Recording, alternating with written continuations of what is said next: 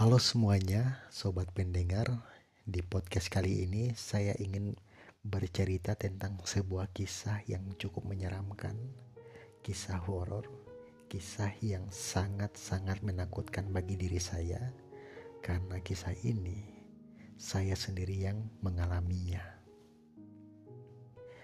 Kisah di mana saya bertemu dengan seorang wanita yang sedang menari, sedang menari sambil nyinden di salah satu lorong yang sangat sepi, sangat gelap, sangat sempit, tepat dekat kosan saya di saat itu. Kejadiannya di tahun 2014, tepatnya di kota Bandung.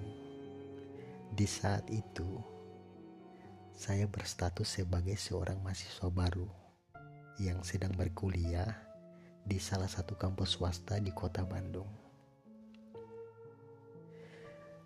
Saya yang sebagai seorang perantau yang baru pertama kali injak di injakan kaki di kota Bandung, saya sengaja untuk uh, mencari kosan dan tinggal di area sekitaran kampus. Dan di saat itu saya menemukan sebuah kos-kosan yang cukup menarik, cukup bagus, cukup bersih, namun kosan itu memiliki cerita yang cukup menyeramkan bagi saya. Selain kosan itu yang cukup seram, saya juga mengalami sebuah kejadian di mana kejadian ini yang sampai sekarang membuat saya tidak akan pernah mungkin melupakan hal itu yaitu bertemu dengan seorang wanita yang sedang menari dan sambil nyinden di dekat kosan saya di salah satu lorong. Kosan saya itu berdirinya di antara beberapa lorong. Lorong yang di mana kita bisa akses ke kampus. Dari beberapa lorong, ada salah satu lorong yang kalau mau dibilang lorong itu adalah lorong yang paling cepat. Yang paling cepat saya akses untuk sampai di kampus. Dan lorong itu sering saya lewati. Lorongnya kalau mau dibilang tidak begitu panjang. Sekitar ada mungkin sekitar 50 meter. Lumayan panjangnya bukan eh sekitar 30 atau 40 meter lah itu lorongnya tidak lurus. Di, di tengah-tengah lorong itu ada persegi yang di mana kita dari ujung lorong sebelah tidak bisa melihat langsung ke ujung lorong itu. Jadi ada uh, seperti belokan di dalam lorong itu. Lorong yang cukup sempit di mana kalau mau dibilang satu motor yang parkir di dalam lorong itu dan satu orang berdiri di samping motor itu kita sudah nggak bisa lewat. Sangat-sangat sempit. Dan lorong itu meskipun siang terlihat gelap. Tidak ada cahaya matahari yang tembus karena di lorong itu atap rumah yang di lorong itu sampai menyentuh tembok rumah sebelah. Jadi tidak ada cahaya yang masuk, tidak ada uh, ya inti intinya tidak ada cahaya yang masuk. Jadi lorong itu sangat gelap, sangat sempit dan lembab.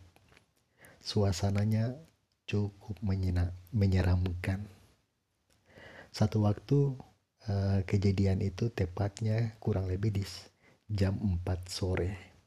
Namun teman-teman semua, sobat pendengar, di saat itu uh, kejadian itu uh, tepatnya di dua hari setelah Lebaran Idul Fitri. Jadi mahasiswa yang ada di kosan di sekitar situ kebanyakan pada pulang, pada mudik dan kondisi di di area situ sangat sepi. Di saat itu jam kurang lebih jam 4 sore.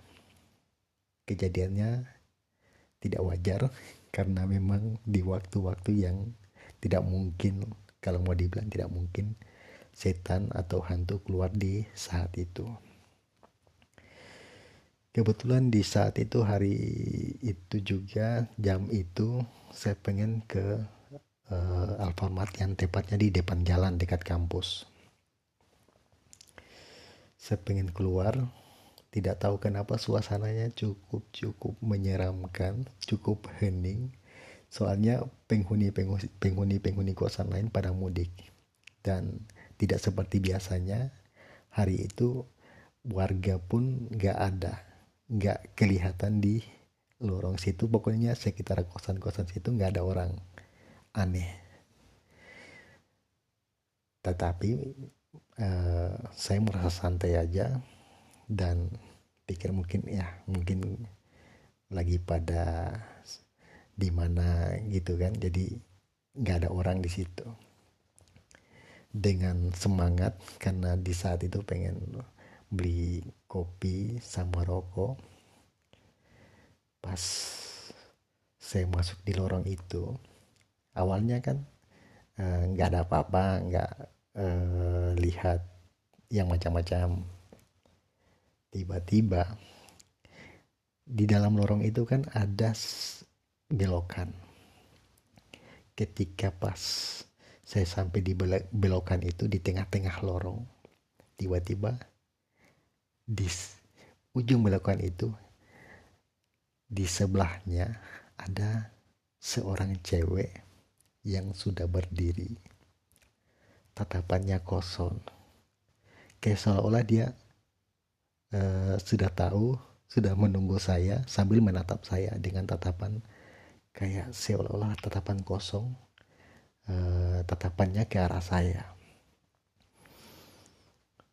awalnya saya pikir biasa aja santai tetapi uh, saya sempat lihat wanita itu kok tatapannya beda.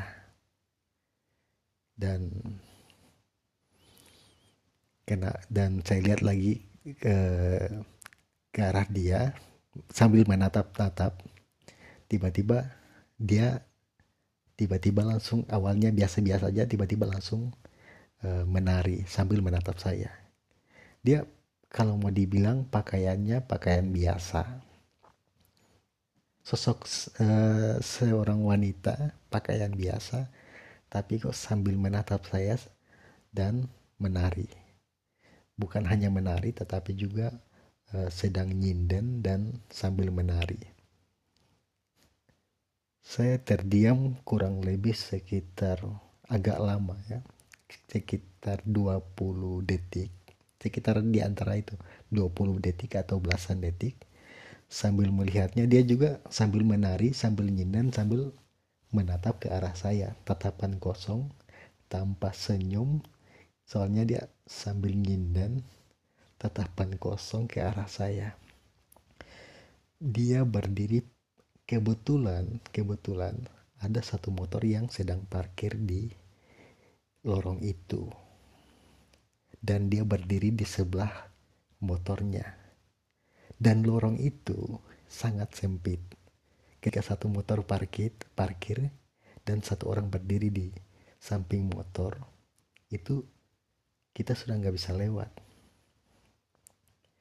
dia sambil menari sambil nyinden sambil menatap saya dan tiba-tiba muncul rasa takut karena saya lihat sudah agak aneh tidak seperti biasanya. Dia tatapannya nggak lepas dari uh, ke arah saya dan lorongnya cukup gelap di dalam hati saya saya bilang kalau seandainya saya balik jalan mundur atau balik ke arah belakang itu akan di pikiran saya ketika nanti kalau saya lihat ke arah belakang tiba-tiba dianya udah di belakang itu kan lebih jantungan lagi kan. Jadi saya memutus, memutuskan untuk tidak melihat ke arah belakang dan tetap fokus dan di saat itu saya bilang sama diri saya saya harus tetap maju lewati dia. Nggak tahu kenapa uh, saya memberanikan diri dengan uh, karena saya pikir kalau saya lihat ke belakang tiba-tiba dia yang tadi di depan sudah di belakang itu kan lebih jantungan. Jadi saya langsung nggak uh, mau lihat ke belakang saya pandang aja ke depan ke arah dia sambil uh, jalan pelan-pelan dan uh, usaha lewatin dia ini gimana. Soalnya dia berdiri di samping motor dan sangat susah untuk kita lewat. Jadi sobat pendengar di saat itu pas saya beranikan diri untuk lewati dia lang saya kayak seolah-olah menyamping gitu menyamping yang di mana dia nggak berhenti menari sam sampai tangannya itu kayak kesentuh-sentuh ke saya siku-sikunya itu mulai sentuh-sentuh ke saya. Dan di saat saya lewat itu pun dia tatapannya lihat ke saya terus. Saya sambil punten permisi dia nggak pindah dia nggak bergeser tetapi dia terus menari sambil nyinden saya paksain lewat dia sambil menyamping.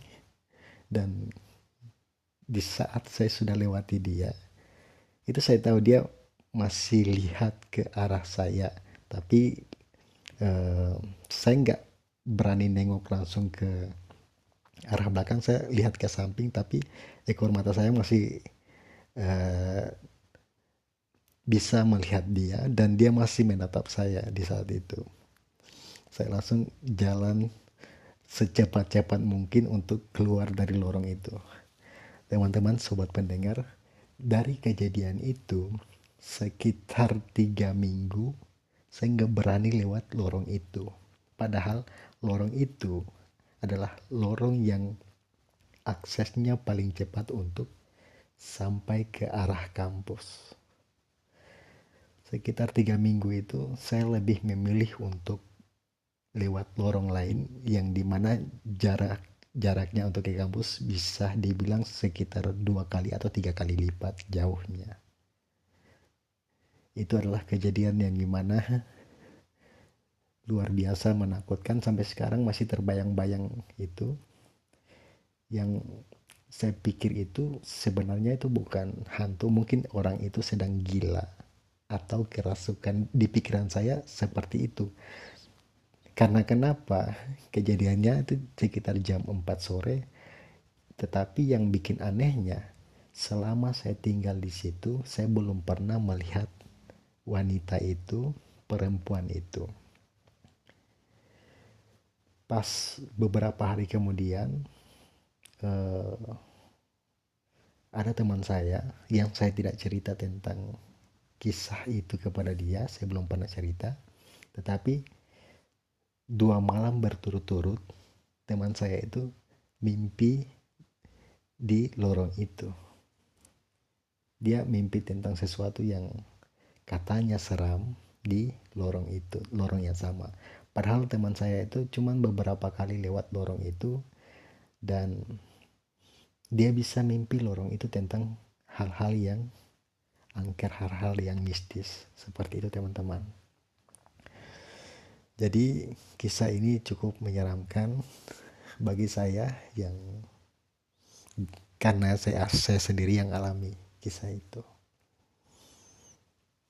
Dan ada beberapa kisah lagi yang terjadi di kosan saya yang di mana saya bilang bahwa kosan itu sangat-sangat bagus namun dibalik bagusnya ada kisah mistis yang saya alami dan kisah mas kisah mistis itu cukup terang-terangan teman-teman. Nanti saya ceritakan di uh, podcast selanjutnya kisah horor selanjutnya. Oke teman-teman sampai jumpa teman-teman di cerita selanjutnya tentang kosan saya itu yang bagus namun menyeramkan. Oke sampai jumpa